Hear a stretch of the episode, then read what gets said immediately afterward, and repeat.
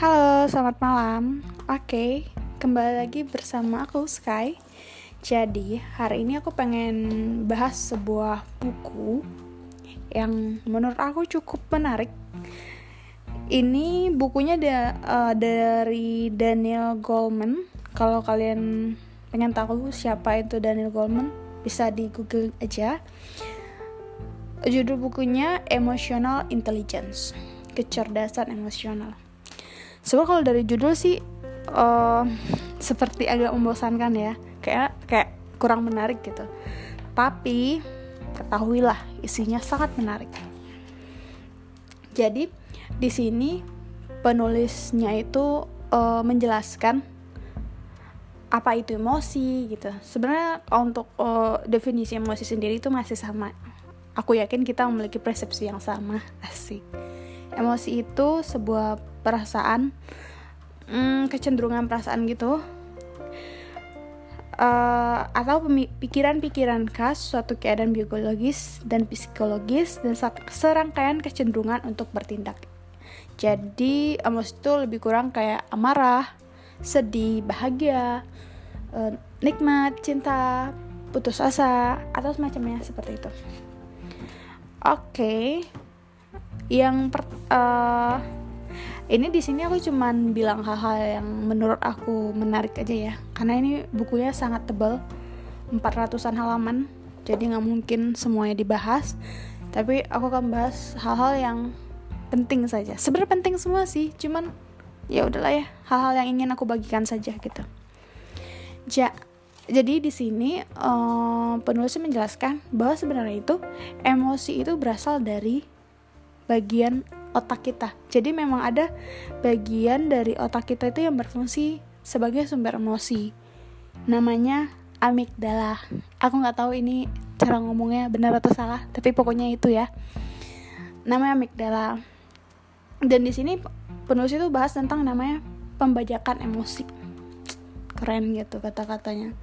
Pembajakan emosi, emosi lu dibajak, pikiran lu dibajak, ya kayak gitu tapi udah pikiran belum? Uh, udah pas dengar kata pembajakan emosi kalian udah kepikiran belum sih uh, arahnya nanti bakal ke mana gitu?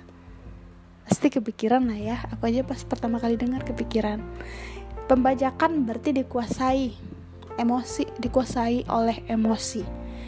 Hal-hal tindakan yang dikuasai oleh emosi. Dan di sini ada kasus yang menurut aku uh, sangat menarik untuk dibahas atau untuk diketahui. Ini sebuah kasus tentang seorang narapidana. Jadi dia tuh narapidana pencurian. Ya dia masuk penjara karena bukan pencurian sekian kali ratusan kali mungkin. Uh, hingga satu hari dia dibebaskan karena udah selesai masa penjaranya dibebaskan dan waktu itu uh, dia udah bertekad nih dia nggak bakal lagi masuk ke dunia kejahatan gitu.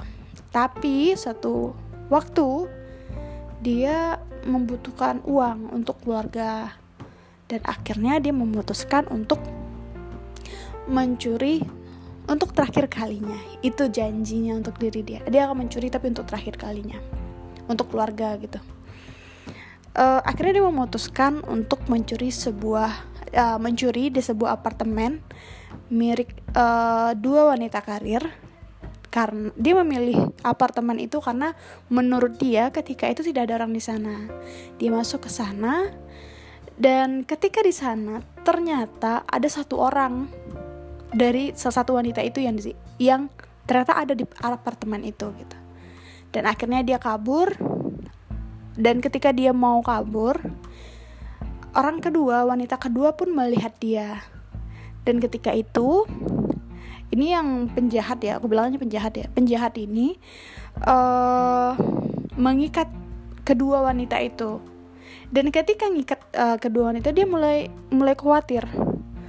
Ini orang melihat gue gitu. Pasti dia bakalan ngingat wajah gue gitu. Dan misalkan kalau dia lapor ke polisi habis sudah. Maksudnya kalau dia sampai dilaporin lagi dan kedua orang ini mengenal wajah dia dan mungkin diberikan sketsa dia ke polisi, udah pasti polisi bakal mudah mengenali dia gitu. Dan kalau dia masuk penjara lagi udah nggak bakalan keluar lagi gitu loh. Di saat itu dia mulai panik. Panik maksudnya aduh dia nggak mau lagi masuk penjara dan dia berjanji ini bakalan yang terakhir kalinya. Tapi dia udah ngeliat si cewek ini udah ngeliat wajah dia. Dan akhirnya apa akhirnya dia memutuskan untuk uh, ketika panik dia akhirnya menyayat sampai menikam kedua wanita itu sampai meninggal. Dalam kondisi yang sangat mengenaskan. Itu serem banget sih. Tapi kalian kepikiran gak sih? Dan ketika si penjahat ini setelah 25 tahun ditanya soal uh, di membahas soal itu dia bilang saya bingung. Saya merasa kepala saya terasa sesak gitu. Jadi dia juga nggak nyadar. Ibaratnya ini di luar kontrol lah gitu dia melakukan hal yang seperti itu. Dia pun juga tidak awalnya juga tidak memiliki niat untuk membunuh di, di waktu itu. Tapi karena dia terlalu panik karena terjadi ledakan emosi hingga emosi dia menguasai. Jadi uh, apa sih namanya? Amigdala itu kayak menerima sebuah alarm adanya ancaman gitu dan seluruh otak kita tuh kayak difokuskan untuk memberikan respon secepatnya gitu tanpa uh, berpikir yang realistis maksudnya tanpa mempertimbangkan itu keputusan baik atau tidak gitu kalian ngerti nggak sih kayak kayak orang kaget panik kemudian nggak tahu lagi mau gimana terus dia ngambil keputusan dalam sekejap gitu. Dan itu parah gitu. Kalau untuk case ini udah menurut aku sih ya yang namanya hal buruk ya. Mau ya hal, mencuri kan buruk ya. Maksudnya ya kalau awalnya udah buruk ya pasti endingnya buruk dah gitu. Tapi itu masuk akal untuk menjelaskan pembajakan emosi. Case lain misalnya gini. Ini juga dijelaskan dalam buku ini dan aku juga merasa kayak wow ini bener sih gitu. Jadi dicerita diceritakannya itu uh, ada seorang gadis se seorang cewek lah ya seorang cewek berkendara sekian kilo sekian jam menemui kekasihnya. Nggak aja di sini pacar gitu pacar. Dia berkendara jauh-jauh menemui pacarnya dia dinner dia tahu cowoknya itu bakalan ngasih sebuah hadiah yang sangat istimewa. Itu sebuah lukisan langkah yang emang udah lama dia inginkan gitu. Jadi memang barangnya emang diidam-idamkan sama si cewek ini. Udah kebayangkan ya senangnya gimana. Terus waktu itu uh, si cewek abis dinner si cewek ini ngajak cowoknya buat nonton nonton bareng gitu. Tapi ternyata cowoknya nggak bisa karena dia ada janji. Uh, sorry dia ada latihan bola gitulah kalau nggak salah sehingga dia menolak. Tapi aduh yang namanya cewek ya baper. Ya gue ngerti sih perasaan dia udah jauh-jauh gitu berharap gitu bakalan um, apa melewati waktu bersama gitu ya lebih lama ternyata ketika kita ingin mengajukan sebuah kegiatan malah ditolak ya pasti sakit lah ya gue juga paham gitu sebagai cewek rasanya gimana gitu jadi si cewek ini karena dia merasa kesal kesal gitu kecewa nggak nggak terima ditolak kayak gitu Saking kesalnya, dibuang lah nih tulisan, eh maaf maaf, dibuang ini lukisan ke tong sampah, dia pergi. Ngerti gak sih? Jadi ya wajar. Kalau menurut aku melihat itu ya masuk akal lah ya. Ketika seorang maksudnya gue paham gitu. Ketika seorang cewek dikituin terus dia membuang barang yang dikasih tadi ke tong sampah. Tapi tau gak sih bulan-bulan berikutnya dia menyesal telah membuang lukisan itu ke tong sampah cuman karena emosi nggak terima ditolak gitu. Hmm, ini sebenarnya uh, cukup related. Eh, gimana sih ngomongnya cukup uh, sering terjadi ya dalam kehidupan. Kita kadang melakukan hal-hal yang sebenarnya itu ceroboh gitu loh.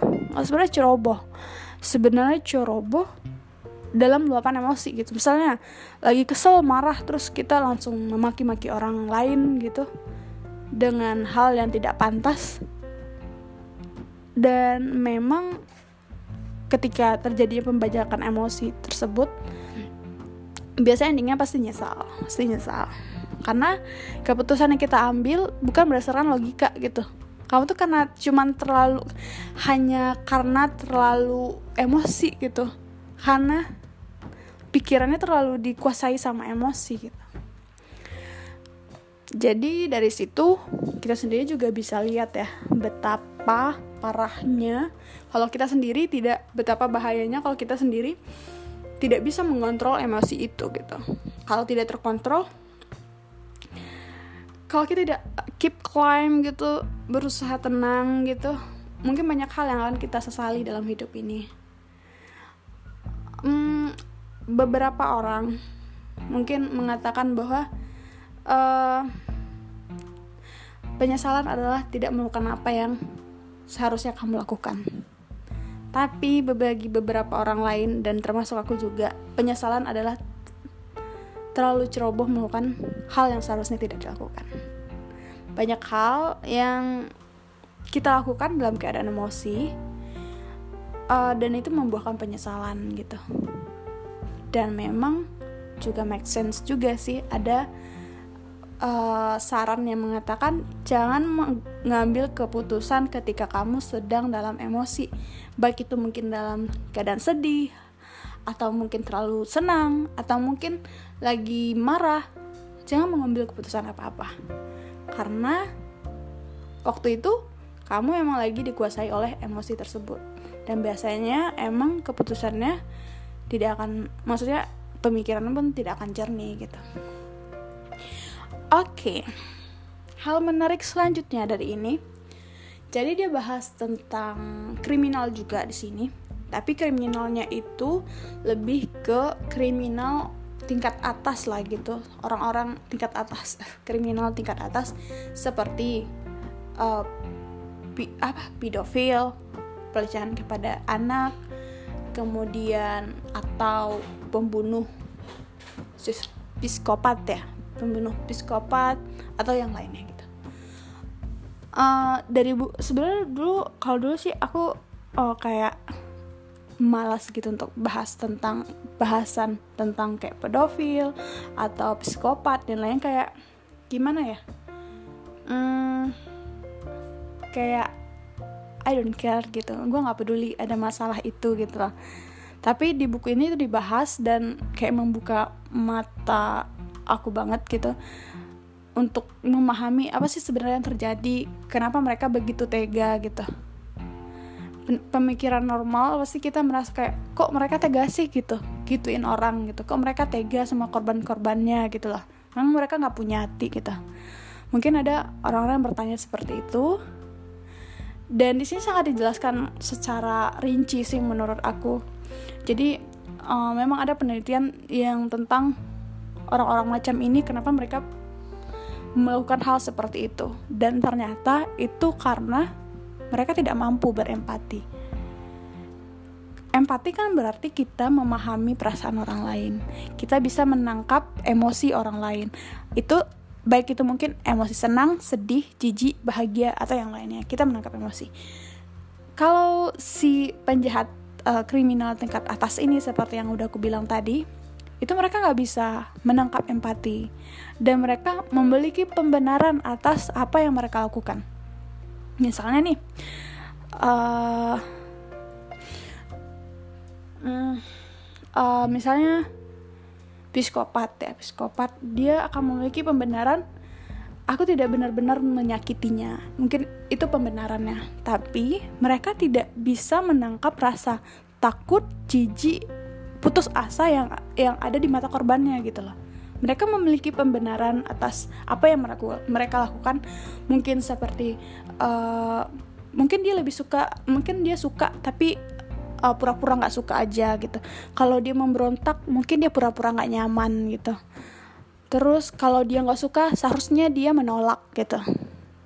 Jika pokoknya pembenaran-pembenaran macam itulah pembenaran macam itu dengan dengan mereka memiliki pemikiran seperti itu dan mereka tidak mampu menangkap itu sehingga mereka ya ya lanjut aja gitu tidak mampu berempati kepada orang lain karena empati kan berarti kita memposisikan diri memposisikan diri kita di, di uh, pada orang tersebut. Jika mereka mampu berempati, melihat rasa sedih itu, atau mungkin melihat rasa jijik yang diperlihatkan korban mereka kepada si pelaku, semua akan gagal gitu.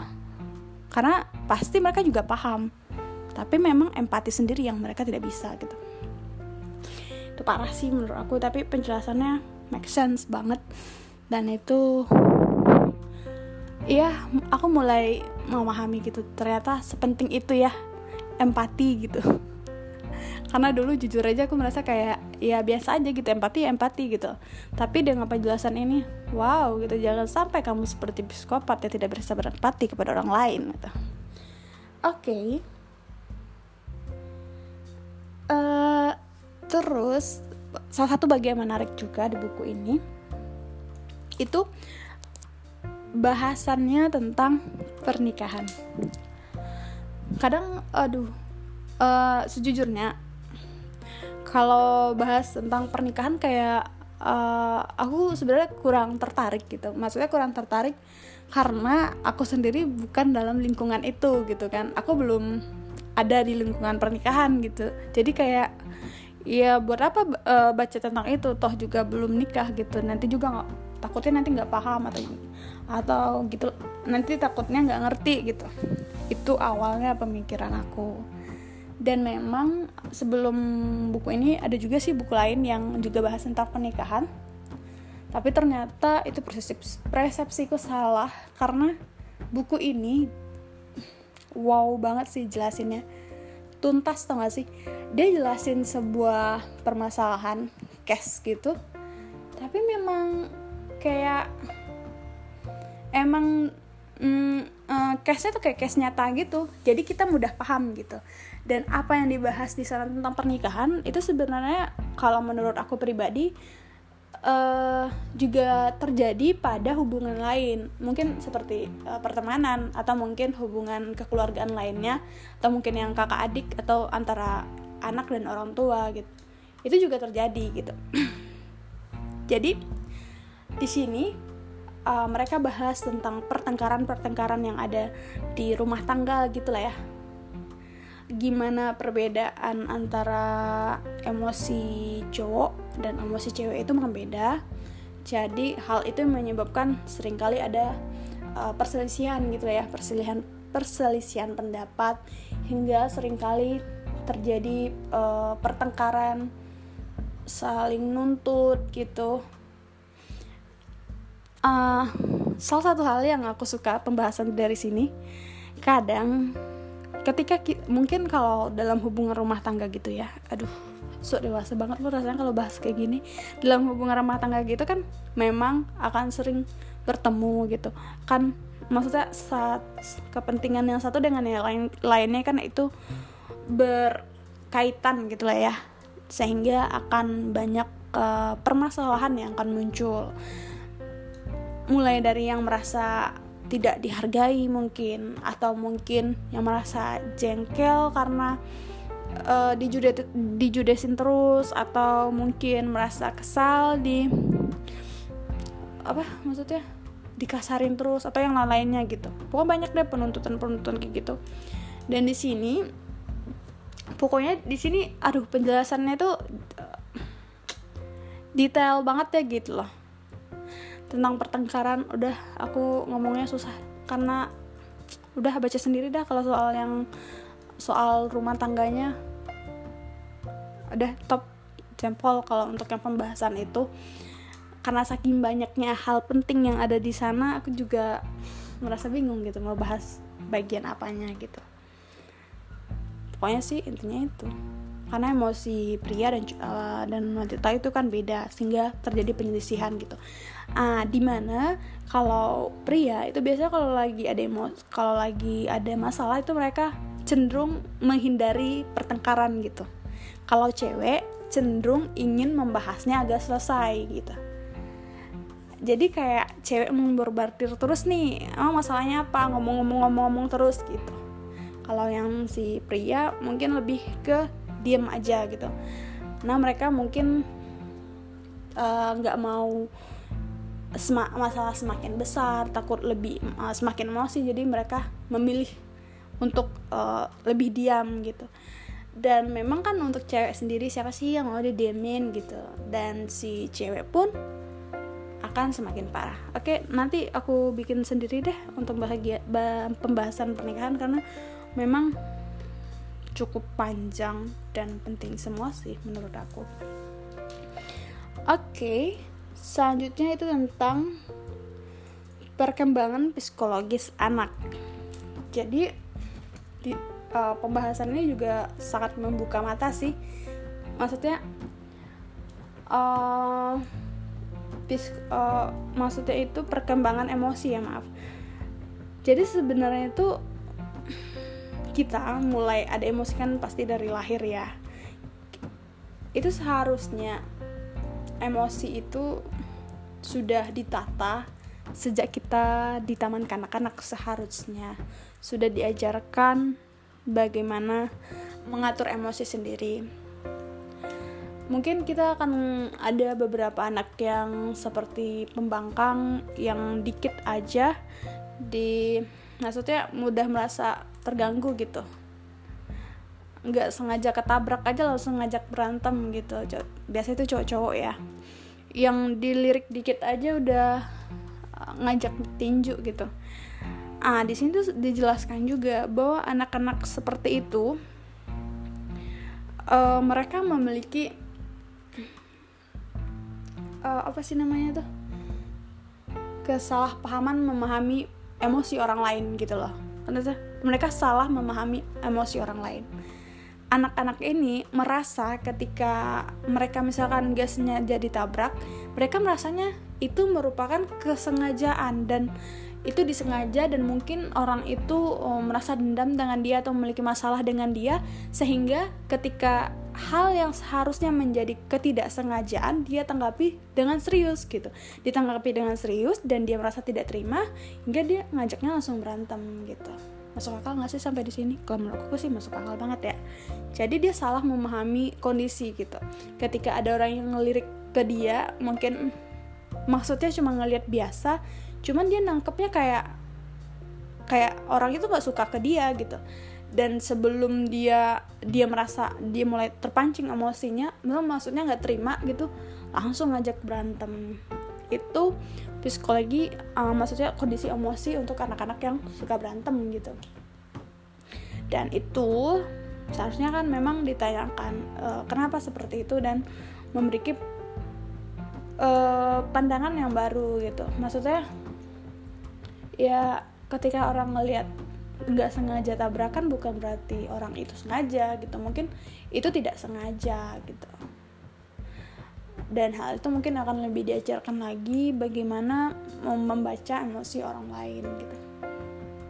Masih benar sih menurut gue emang dari kecil sebenarnya kan kita udah mulai merasakan beberapa emosi yang mengganggu. Kan emosi yang bukan emosi yang mengganggu sih. Emosi yang uh, ya sedikit banyaknya membuat uh, hidup kita agak kurang enak gitu. Seperti mungkin waktu pas kita nerima lapor gitu hmm, ternyata nggak dapat juara gitu atau rankingnya turun pasti sedih gitu. Tapi pernah gak sih uh, kita ditanya gitu sedih kenapa? gitu. Terus gimana kiat-kiat biar gak sedih lagi gitu. Pernah gak sih diajarin hal-hal yang kayak gitu gitu? Dan wownya si aku sebagian yang aku suka di buku ini mereka menjelaskan bahwa mereka menjelaskan bahwa memang perlu untuk pelajaran emosi itu. Jadi memang ada sebuah kayak model pembelajaran di sebuah sekolah. Aku lupa itu nama model pembelajarannya apa. Model pembelajarannya apa.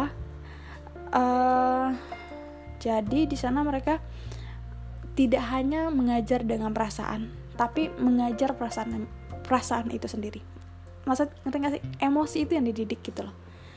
Jadi set, yang ada satu uh, waktu di mana anak-anak ini menjelaskan apa yang mereka rasakan dan nanti itu akan didiskusikan gitu gimana pandangan teman-teman yang lain jika ada di posisi dia dan akan didiskusikan cara untuk cara untuk uh, solusi untuk emosi tersebut gitu. Dan itu kayak menarik loh gitu. Ketika contohnya misalkan seorang anak yang merasa sedih uh, ditinggalkan teman bermainnya gitu. Misal nggak diajak main gitu. Uh, nanti mereka bisa menulis uh, suasana hati mereka waktu itu tanpa menulis nama gitu dan nanti itu akan didiskusikan di kelas gimana sih perasaan teman-teman gitu. Kalau misalkan mendapatkan kondisi seperti ini gitu. Dan kemudian mereka akan bareng-bareng nyari solusi solusi untuk kondisi itu. Itu kayak wow sih menurut aku. Dengan itu kan setidaknya kita bisa memahami emosi orang lain atau perasaan orang lain gitu. Dan itu kan juga hmm, memunculkan sifat empati gitu kayak gitu sih. Keren sih bukunya. Oke sekian aja yang menurut aku penting. Nggak penting sih semuanya bagus. Dan oh ya hal wownya dari buku ini. Ternyata itu cetakan pertamanya itu tahun 1996 itu pertama kali dicetak oleh Gramedia. Dan itu kayak wow udah ini buku udah kecetakan 20-an gitu lah aku lupa. Awalnya awal baca awal baca bukunya aku mikir kayak uh, ini buku kudet nggak ya? Gitu. Maksudnya bakalan nyambung nggak ya dengan apa yang terjadi sekarang gitu. Dan ternyata itu nyambung banget relevan. Jadi kesimpulannya sih kalau permasalahan emosi atau mental dari dari dulu sampai sekarang permasalahannya masih sama ya seputar seputar itu itu aja gitu. Tapi kayak permasalahan yang gak bakalan selesai gitu karena itu masalah pribadi-pribadi masing-masing gitu loh dan memang kalau aku berdiri sih seru sih tuh bahas kayak gitu dan buku ini keren sih penjelasannya. Thank you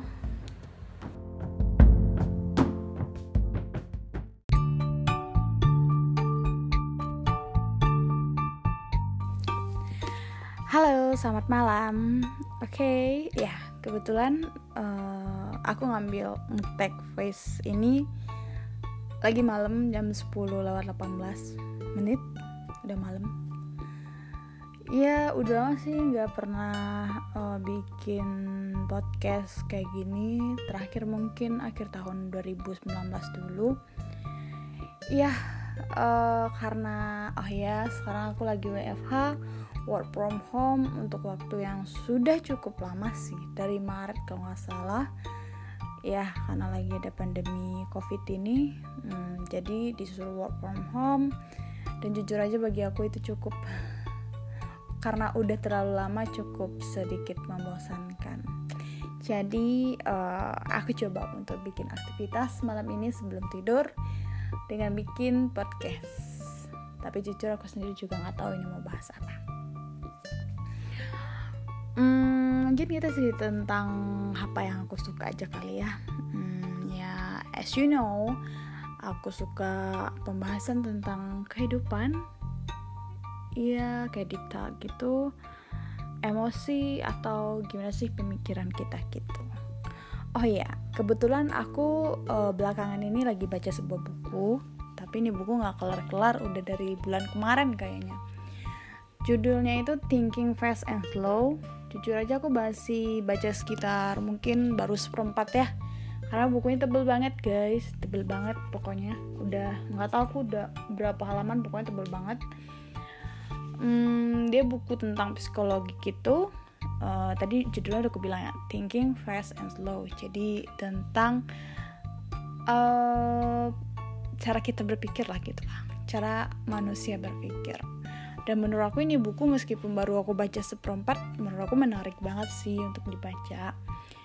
Dan sejauh dari apa yang aku baca satu hal yang hmm, salah satu hal yang aku tangkap dari penjelasan penulis itu adalah tentang teori aduh aku uh, mungkin cara penyampaianku beda dengan apa yang disampaikan di buku tapi ini apa yang aku tangkep ya. Dan ini pun uh, bisa jadi salah atau bisa jadi sesuai dengan apa yang dimaksud penulis jadi menurutku di sana penulis menyampaikan tentang uh, kesediaan informasi. Hmm, gimana cara jelasinnya Iba gini. Ketersediaan ketersediaan informasi. Oke okay. agak rumit ya. Aku pun juga susah jelasinnya gimana misal gini uh, kita dikasih pertanyaan uh, sebuah pertanyaan sulit kita biasanya uh, jika pertanyaan itu tidak bisa kita jawab secara langsung biasanya kita akan uh, mencari atau mencoba menjawab pertanyaan itu dengan pertanyaan lain yang lebih mendekati. Misal ada yang nanya uh, seberapa uh, apakah kamu bahagia uh, uh, belakangan ini? Karena bahagia itu uh, ruang lingkupnya gede ya. Dan ketika kita ditanya seperti itu, mungkin otak kita akan langsung uh, mereview atau mencoba menjawab dengan pertanyaan lain seperti gimana kondisi uh, keuangan kamu belakangan ini atau mungkin gimana kondisi hubungan uh, dengan pacar kamu belakangan ini atau yang lain-lainnya jadi kita nggak langsung maksudnya kita nggak uh, secara langsung menjawab tentang bahagia tapi kita menguraikan pertanyaan itu dengan menjawab dengan menjadikannya pertanyaan-pertanyaan yang lebih mudah atau bisa kita jawab. Aduh guys, agak berantakan ya penjelasannya.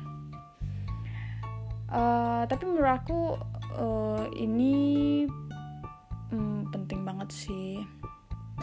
Karena salah satu yang aku pikirkan uh, dari dulu sih sebenarnya aku aku juga lupa aku dapat informasi ini dari mana baca di mana aku lupa mohon maaf uh, bahwa jadi uh, apa yang kita berpikirkan itu sangat tergantung dari uh, sangat tergantung dari apa yang kita lihat atau informasi yang kita dapat gitu.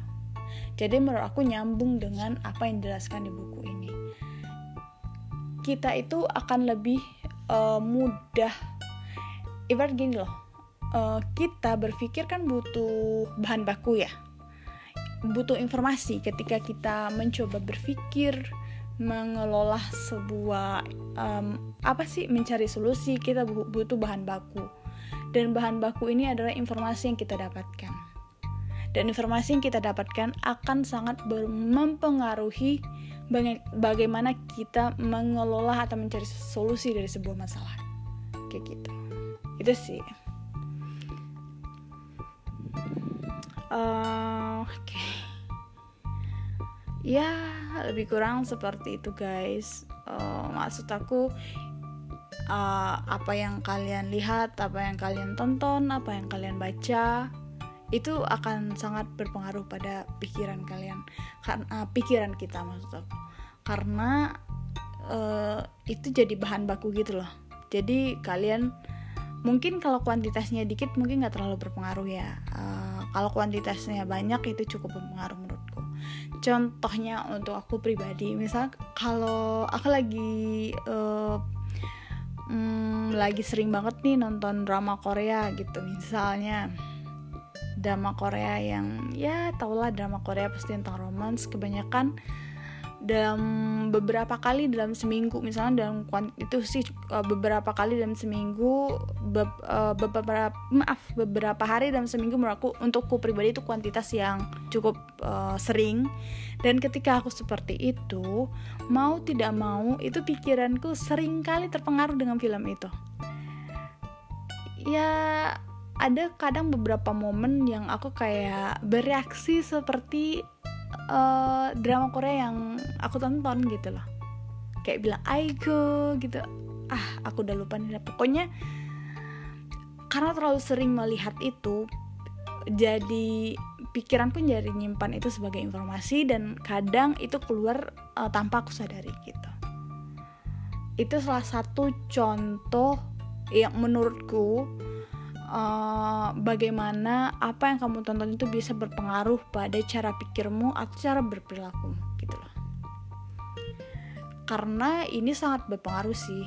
Uh, apalagi sejak uh, sejak udah masuk ke dewasa awal dan udah mulai kerja aku mulai menyadari uh, semakin kita sering mendengar melihat informasi yang bagus suatu saat nanti itu akan terpakai gitu lah. Semakin banyak bahan baku gitu. Yang mungkin uh, misalnya nih kita lagi baca sesuatu terus kita ngelihat itu dan kita paham gitu maksudnya apa. Nanti uh, sering aja gitu. Nanti misal bulan depan atau tahun depan ada sesuatu yang uh, kita misalnya lagi analisa sesuatu yang informasi kecil itu dibutuhkan gitu tanpa sadar dan itu kan sangat membantu ya tapi karena pentingnya karena informasi ini jadi bahan baku untuk pikiran kita menurut aku juga sangat penting nih untuk menyaring apa yang kita lihat, apa yang kita tonton atau apa yang kita baca. Kayak, un kayak untuk aku pribadi karena aku tahu nonton drama Korea uh, dengan uh, kuantitas yang banyak dalam seminggu itu sangat berpengaruh dalam caraku berpikir tentang apa yang aku rasain. Aku berusaha untuk mengurangi kuantitas itu gitu. Dan jujur aja, uh, aku juga merasakan uh, rasa tidak nyaman ketika aku mengikuti akun-akun gosip. Jadi dulu mungkin setahun yang lalu atau dua tahun lalu aku cukup uh, aku mengikuti atau follow lah uh, akun gosip di Instagram. Tapi lama kelamaan rasanya nggak enak gitu. Ya, gimana ya? Mungkin kita memiliki uh, apa sih namanya uh, prioritas yang berbeda-beda dan ketentuan penting tidak penting yang berbeda-beda.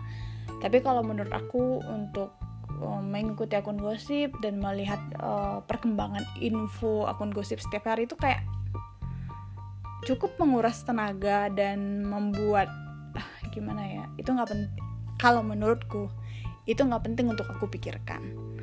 Akhirnya aku menstop aku unfollow dan udah nggak peduli lagi dengan itu. Jadi pikiranku atau slot uh, bahan baku yang ada di pikiranku bisa digunakan untuk yang lain untuk hal lain yang lebih berguna tapi tentu kita memiliki cara pikir yang beda-beda dan prioritas yang berbeda gitu. Kayak gitu sih guys. Bicara prioritas um, aku juga punya concern tertentu tentang prioritas. Jadi semakin dewasa dulu waktu masih kecil lah masih SMA atau masih kuliah aku berpikir tentang sukses lah gitu. Itu tentang orang-orang yang kayak berhasil di pekerjaannya. Pokoknya tuh wow lah gitu pokoknya. Yang banyak duit. Pokoknya tuh wow lah ngerti lah ya. Wow gimana ya? Sang pengusaha berhasil atau mungkin kalau dia karyawan emang keren banget lah uh, kerjaan dan jenjang karirnya. Itu yang kupikirkan dulu. Tapi semenjak semakin beranjak dewasa semakin umur bertambah semakin pengalaman hidup uh, semakin susah gitu I think sukses bahagia gak harus wow itu gitu. I mean uh, semua itu ada harganya gitu lah kalau kamu pengen sukses kaya raya punya banyak duit itu ada ada biaya ada biaya. Biaya di sini bukan duit ya. Nggak mungkin kamu dapat duit dengan duit gitu. Tapi harus ada yang dikorbankan. Kamu harus berusaha lebih keras dari orang lain. Mungkin mengorbankan sabtu minggu jarang ketemu keluarga dan lain dan lain-lain lain pokoknya untuk sesuatu itu harus ada yang dikorbankan. Uh, waktu santai juga dan lain-lainnya. Dan setiap orang memiliki prioritas dan keinginannya masing-masing. Jadi maksudku kita nggak bisa memukul rata ukuran sukses dan bahagia itu harus yang kayak kaya raya, punya banyak duit, pengusaha sukses atau pokoknya ada yang sukses wow yang gimana ya ngerti lah kalian ya seperti apa yang aku maksud gitu. I think kita nggak bisa mukul rata kayak gitu gitu. Karena kita nggak tahu prioritas orang lain. Mungkin dan pastinya karena aku juga ngerasain ada orang-orang yang ya uh, maksudnya prioritasnya ya selama aku masih bisa hidup dengan nyaman aku ngerjain apa yang aku suka aku masih bisa punya waktu buat santai aku punya waktu buat malas-malasan misalnya itu cukup gitu.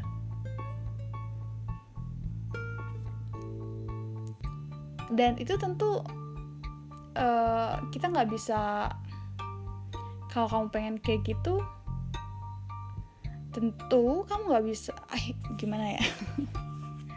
Pokoknya intinya uh, setiap orang mungkin punya standar nyaman standar sukses standar bahagia yang masing-masing dan kita nggak bisa pukul rata itu satu sama lain gitu. Karena prioritas orang beda-beda. Ada orang yang emang prioritasnya iya din nanti tuanya pengen nyaman pengen ya pengen nyaman materi tercukupi dan lain-lainnya ada juga orang yang penting ya penting gue hidup nyaman dari sekarang gitu dan itu pilihan. Gak ada salahnya juga gitu. Untuk kayak gitu. Yang bermasalah itu uh, ketika kamu ketika kita udah tahu tujuan kita misalnya pengen hidup nyaman tua nanti tapi bermalas-malasan dari sekarang dan gak maksudnya uh, tujuannya apa tapi nggak usahanya nggak ada gitu. Itu baru nggak sinkron. Tapi kalau kita tahu ya kita itu itu penting tapi kita juga ingin hidup nyaman. Hidup nyaman dan uh, spesifik nyaman setiap orang juga beda-beda gitu. Ada nyaman atas dengan kategori materi ada nyaman dengan ya sebatas. Aku mengerjakan apa yang aku suka yang aku suka sudah cukup. Dengan aku udah bisa makan udah cukup dan itu beda-beda. Dan itu tergantung prioritas masing-masing. Setiap orang memiliki prioritas yang berbeda-beda. Karena itu standar sukses atau bahagia pun gak bisa dipukul rata. Hmm. aku juga nggak ngerti lah ya ini apakah cuma pembelaan karena aku yang udah capek gimana ya ngerti gak sih? Kayaknya harapan itu oh, harapan untuk sukses wow itu terlalu tinggi atau gimana? Tapi ya cuman pengen nerima kenyataan aja gitu loh. Karena aku uh, semakin ngelantur nih. Ya pokoknya kayak gitu guys. Ribet ya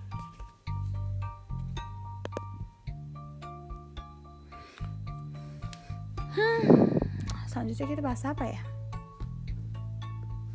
Udah pokoknya kayak gitu deh. Standar sukses orang itu berbeda-beda. Dan I hope dan aku harap uh, kita bisa nentuin gitu. Uh, standar kita nggak harus ngikutin standar orang lain.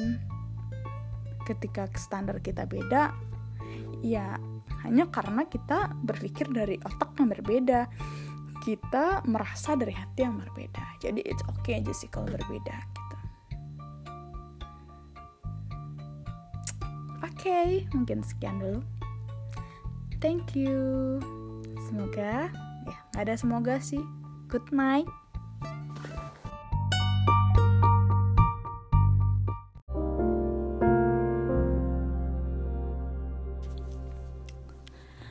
Halo, selamat malam untuk orang-orang yang belum tidur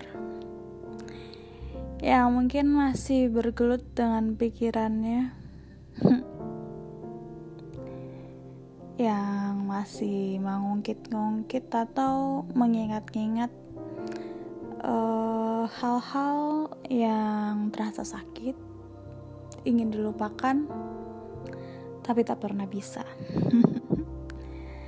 Aku pengen kamu tahu, hai kamu di sana, hai kamu yang di sana, yang lagi duduk sendirian, yang merasa sibuk dengan pikirannya sendiri,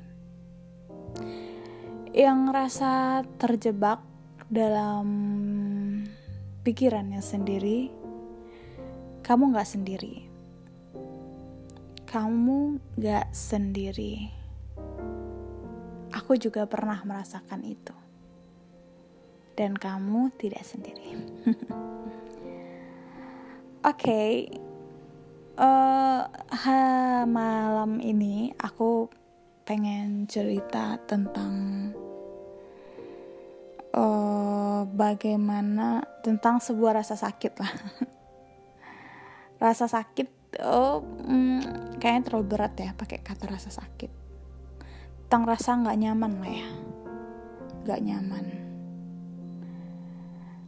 Uh, bagaimanapun sebagai manusia setauku pasti ada masa di mana kita merasa kayak sesek kayak gitu. Kayak sesek gitu. Kayak ya semua terasa sempit. Tiba-tiba ada masalah. Dan kita kayak udah karena udah terus sering sampai udah muak gitu.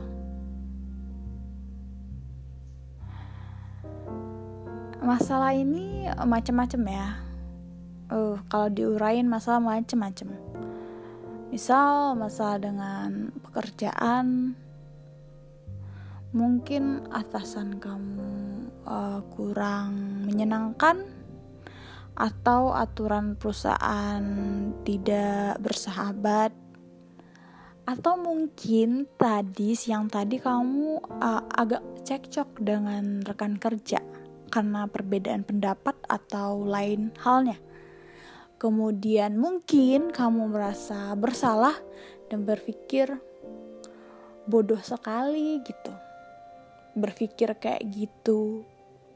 Jangan-jangan mereka nganggap kamu orang bodoh.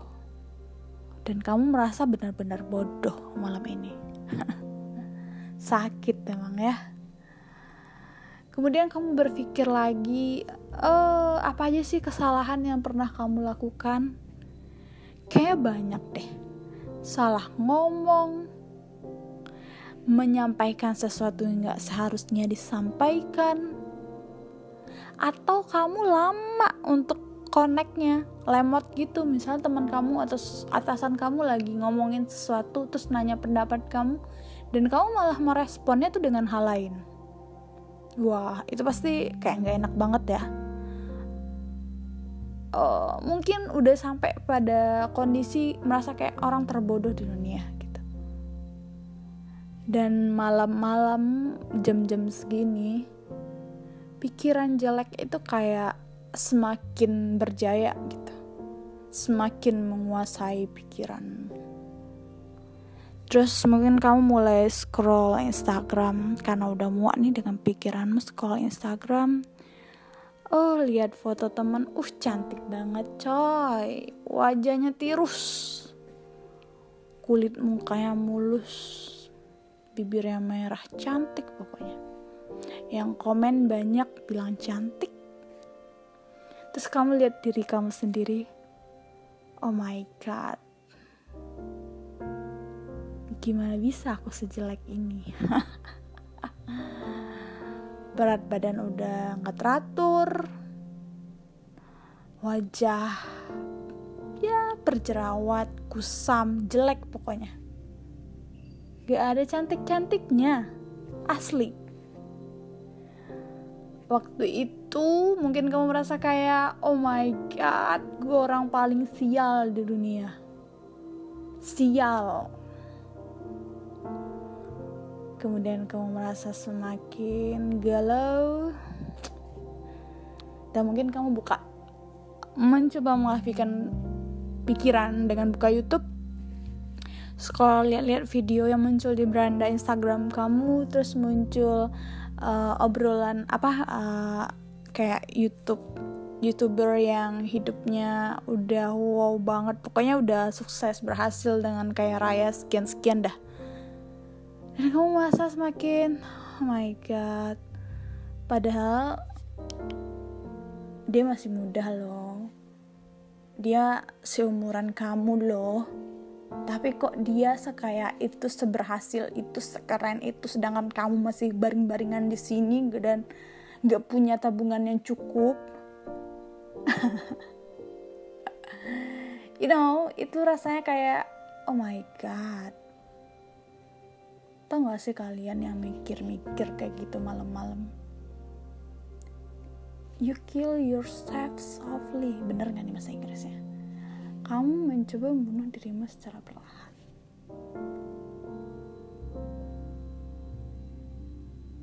I just want you to know. So Inggris. Aku cuma pengen kalian tahu. Pikiranmu itu bukan realita. Realitanya itu bukan yang lain. Dan aku juga nggak ngerti ya bagaimana dan kenapa kalau lagi malam-malam gini kalian lagi sendiri kalian tuh overthinking banget gitu sesuatu hal yang gak kalian pikirin di siang hari tiba-tiba kalian pikirin di malam hari gitu. Kayak kenapa kenapa kenapa mereka lebih beruntung daripada kalian gitu. Tiba-tiba dipikirin aja gitu. Jadi aku harap kalian sadar itu. Maksudnya sadar oh iya aku lagi overthinking hari ini. Karena mungkin lagi malam dan kemudian aku lagi nggak mikir apa-apa sehingga aku mikirin ini. Apa yang ku pikirkan itu belum tentu benar. Karena gue yakin aku yakin besoknya besok hari ketika kalian udah bangun tidur pikiran kalian gak bakalan sejelek itu lagi.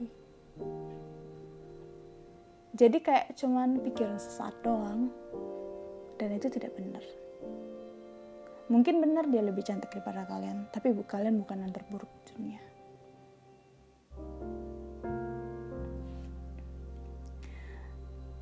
dan kalau misalkan besok pagi kalian masih bangun dengan mood yang masih kurang baik yang ya mungkin karena terlalu banyak hal yang kalian pikirkan sehingga kalian juga bingung dan kayaknya udah nggak enak aja gitu nggak enak aja pokoknya. Kemudian mungkin kalian lari ke makanan maybe. Ya kalau bicara pelarian ya apalagi ya pelarian. Kalau nggak makanan kalian makan lagi-lagi dan lagi meskipun kalian tahu kalau kalian lagi, lagi ngelapar. Pengen makan aja biar nggak mikir. Atau kalian malas-malasan.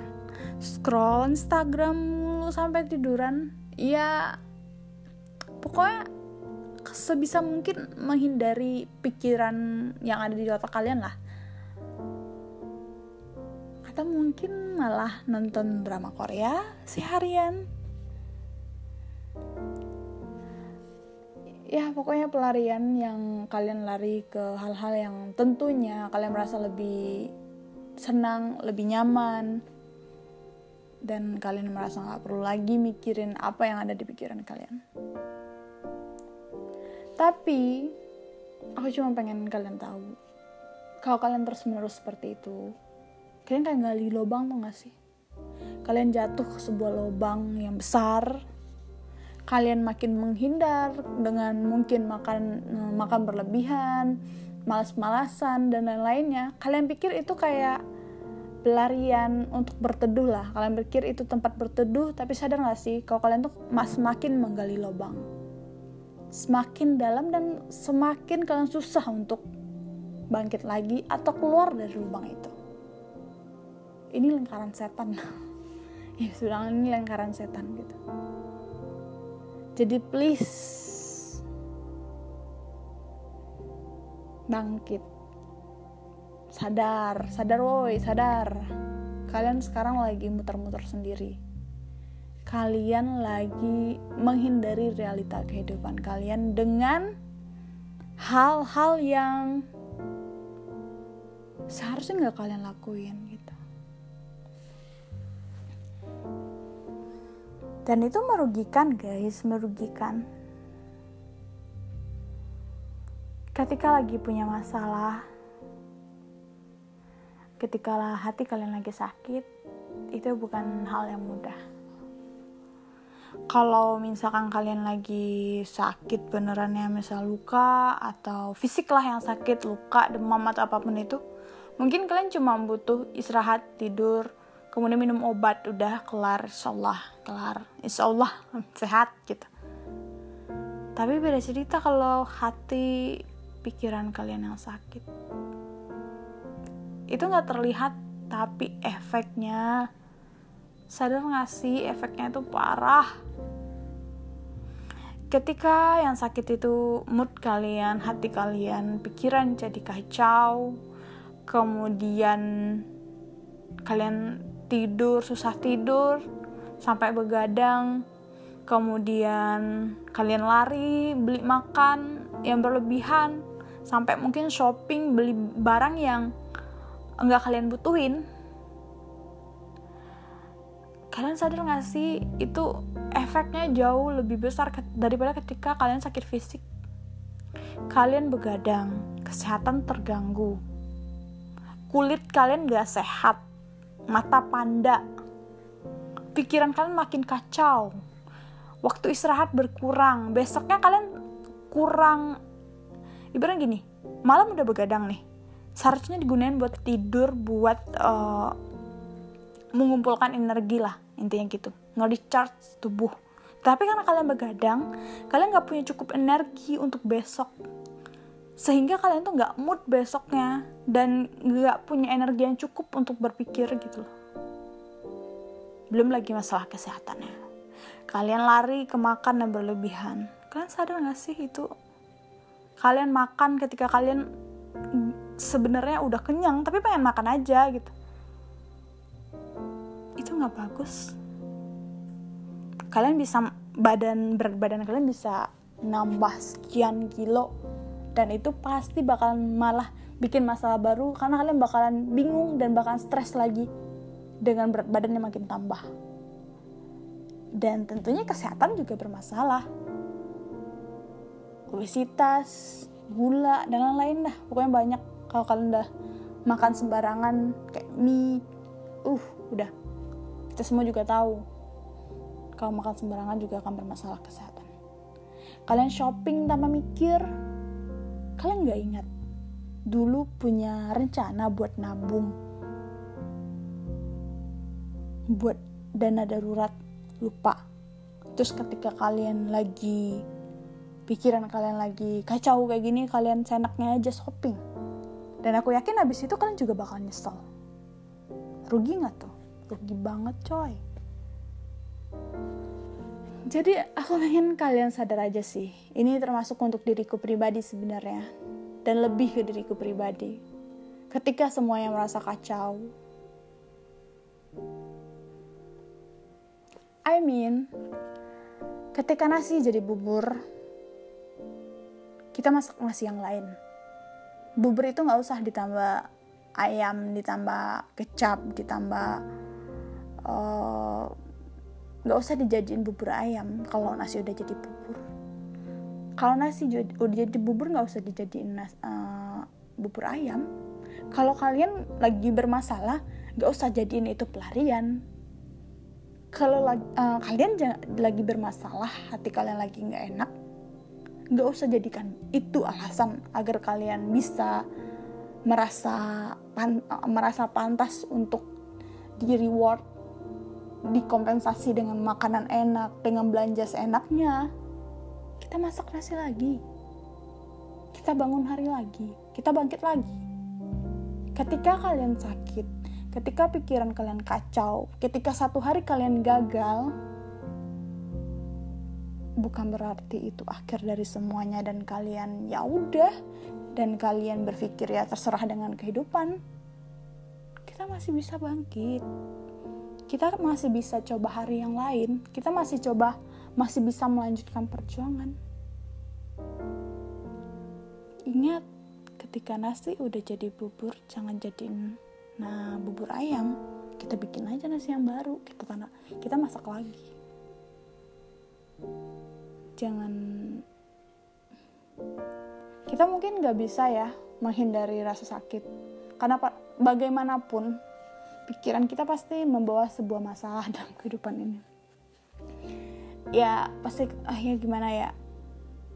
Bagaimanapun kondisinya pasti ada karena pasti ada pasti akan ada masalah. Pasti itu. Pasti akan ada masalah. Karena kalau nggak ada masalah mungkin otaknya nggak nggak nggak jalan gitu. Jadi biar otak ini masih bisa berpikir dia butuh masalah karena itu jangan sampai kita jatuh kemudian kita menggali lubang untuk diri kita sendiri. Kalau kita jatuh ya kita sadar kita jatuh. Manusiawi untuk jatuh. Manusiawi untuk uh, untuk merasa tersakiti merasa sakit dan merasa kacau. Yang penting kita bangkit lagi. Semangat pejuang mental. Semangat pejuang mental. Good night